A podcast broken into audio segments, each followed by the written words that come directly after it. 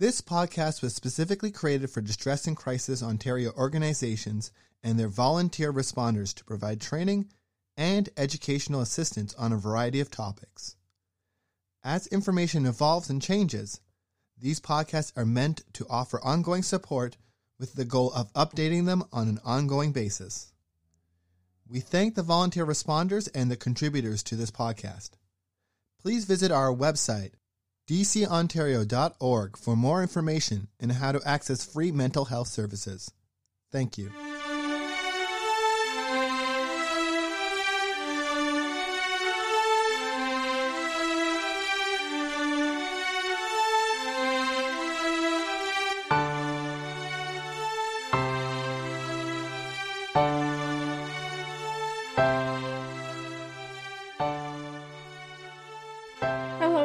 And welcome back to another DCO Discourse podcast. If we haven't met, my name is Katelyn Doyle, and I'm the Communications and Marketing Manager here at DCO. Thank you for choosing to listen to our podcast. Today, I'll be talking about how to improve our sleep. I'm sure we're all feeling the effects of winter. I myself find myself feeling far more sluggish than normal. I want to sleep in later, I want to go to bed earlier, and most experts say that this is due to less sunlight. Your body produces more melatonin when you see less sunlight, which can make you far more sleepy than normal.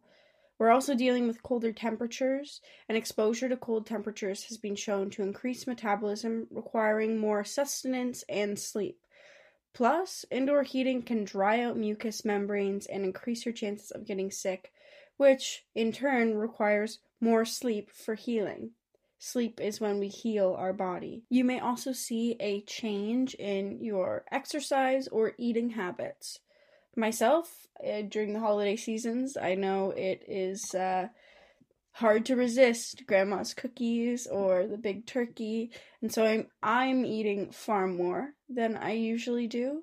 Uh, but you may find you're eating far less. Far less produce is available during the winter months, and you may find yourself eating far more sugars and grains. And two, it's also difficult to exercise and sp- spend time outdoors during the cold weather. So, these changes to your diet and fitness can lower your energy levels and make you tired far more often. Former NASA engineer Robert Soler, who studied how lack of light in space impacted astronauts' sleep cycles, says that we all understand that we need sleep to function and be productive, but there are many more nuances to that.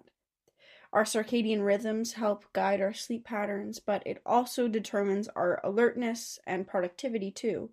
If you're not getting enough sleep or not enough good sleep, you're directly impacting your daily life and potentially your general health and well being. Mental health, metabolic health, and cardiovascular health are all tied to sleep. So now we understand more or less why sleep is so important. But what exactly can we do to actually improve our sleep? What are the tangible things we can do to improve our sleep? For that, I'll be pulling from Robert Roy Britt's article, The Four Stages of Sleep and What They Actually Do, as well as his article, Your Sleep Quality Probably Sucks how to know and what to do. So, jumping right into it, as the title of the first article implies, there are four stages of sleep. Robert Roy Britt describes, quote, depth, quality, and continuity of sleep through the stages, what I like to call overall efficiency, determines how restorative a night can be. So, stage one is the transition. This is a short period lasting just one minute to perhaps several minutes. You can be easily wakened or perhaps bothered, but overall, he describes that the grogginess you might feel when woken will be far less if as opposed to woken during the other stages. Stage 2 is light sleep. This is when your sleep begins to deepen. Your heart and breath rate slow further, as well as your body temperature and eye movement stops. This stage can last anywhere from 10 to 25 minutes, but after repeating all the stages multiple times. It's thought that some memory consolidation begins, but that the brain remains somewhat vigilant for any threats. So, again, still a bit of a lighter sleep. Robert explains that if you, quote, think of stage two as when you have to go through to get to the most important stages. And on a bad night, if you drink too much or you're packing a lot of anxiety, you might waffle in this stage a little longer than ideal. End quote. And that's one of the reasons why it's so important to take care of your sleep hygiene, especially around the holidays when maybe we're drinking a little more than we normally would. Stage three is deep sleep, also called slow wave sleep. He describes this as the most restorative phase, and breathing is slow but regular. The pulse has fallen slightly off, muscles are relaxed. Your brain waves during this stage slow even further, which is why it is aptly called slow wave sleep. It is quite hard to wake during this stage of sleep, so if someone does try to wake you up, you might not like it. You'll probably wake with some foggy, quote, sleep inertia, uh, end quote, or a sluggishness of body and mind for even possibly up to an hour. That's why, you know, when that work alarm goes off in the winter, if you're woken up during that deep sleep phase, it is nearly impossible to get out of bed. Robert explains that the overall time spent in this slow wave stage is crucial since it's when the brain's glymphatic system, which removes misfolded proteins and other toxins and waste from the brain to actually clear your mind, is the most active. This is the phase where your body gets to work on repairing all of your bones and muscles, skin, organs, all of that restorative action happens during this phase by releasing a ton of chemicals critical to that construction of cells and reconstruction of cells. Finally, after about 90 minutes after falling asleep, if everything works out how it's supposed to, we will reach stage 4 REM sleep. Now, this is rapid eye movement. That's when, of course, in this stage, your rapid eye movement kicks in. Breathing picks up and becomes irregular, your heart rate rises. Now, most of what you're doing now is dreaming, whether or not you remember or you don't remember. Effectively, your limbs become paralyzed, so you don't kick someone or punch someone in your face, as Robert describes. It's thought that bones, muscles, and other tissues continue to undergo repair during this phase, but most importantly, this is when your memories are being stored in your brain's hard drive. It is crucial for managing stress and anxiety. This initial round of uh, REM might be 10 minutes, with later rounds lasting up to an hour, so the bulk of REM sleep happens in the second half of the night. That's why making sure we sleep long enough is so important and why being woken up by an alarm before you're actually ready to wake up can be really disorienting for you and leave you feeling unrefreshed. I'm sure we have all been there with our alarms. And although I just said that uh, making sure you sleep long enough is important, there really is no prescribed amount of time that each person needs to sleep. As we know, all people are different, so it's actually a common myth that people must sleep for eight hours a night. Though myths aside, studies show that people who do sleep less than six hours are at a risk for chronic diseases and premature death.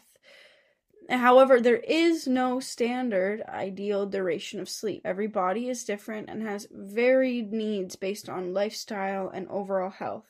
So, making sure that you focus on developing healthy sleep hygiene rather than hours, sleep duration will come naturally to you. You'll naturally find a rhythm and you'll naturally be able to discover the pocket of time where you feel the most refreshed. So, we've gone over those four stages and we've talked briefly about sleep hygiene, but what is proper sleep hygiene? So, sleep hygiene encompasses all of the actions needed to take to prepare you for a good night's sleep. Now, this includes, but is not limited to, going to bed at the same time every night, getting up at the same time every morning, going outside early and often. As we know, and as we've briefly spoken about, Natural daylight sets your body clock so your brain will release sleep inducing melatonin at the right time each night. Make sure you're getting some kind of moderate physical activity every day. This can be fun. Exercise can be fun. Maybe going for a walk with a friend. You like sports. Try dancing to your favorite album. Anything can work.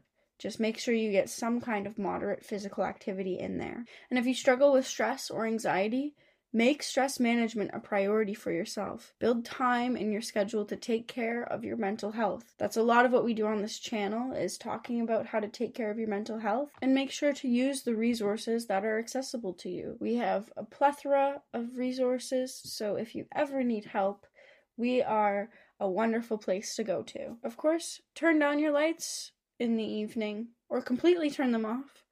Uh, and avoid stress inducing activities like work emails, horror movies, which, in my opinion, are pretty close to those work emails, um, or social media.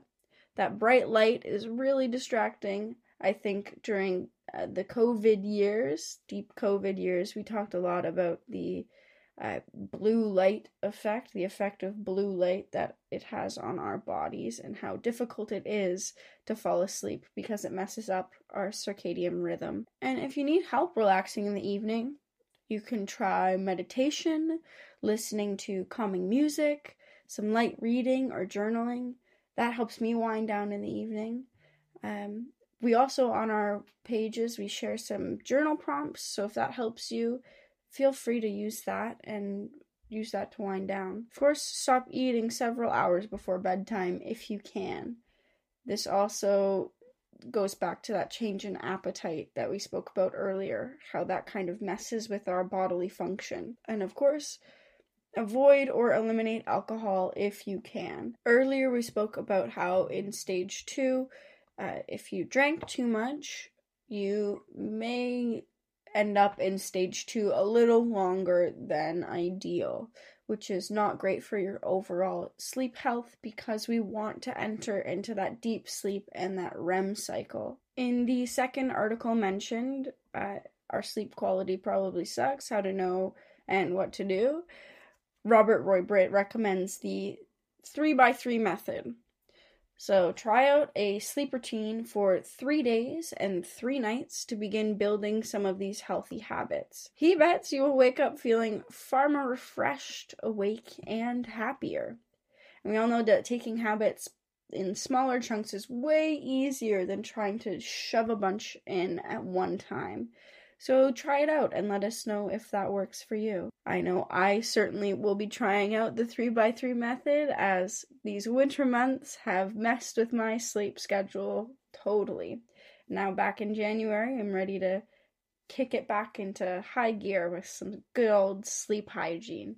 If you want to learn more about sleep hygiene, the four stages, or anything else I've talked about today, I'll be sourcing the articles in the description of this podcast or the show notes of this podcast. As always, thank you so much for choosing to listen to us today. I've had a pleasure talking about sleep, and I myself have learned a lot from doing some research, so I hope you learned just as much as me, if not more.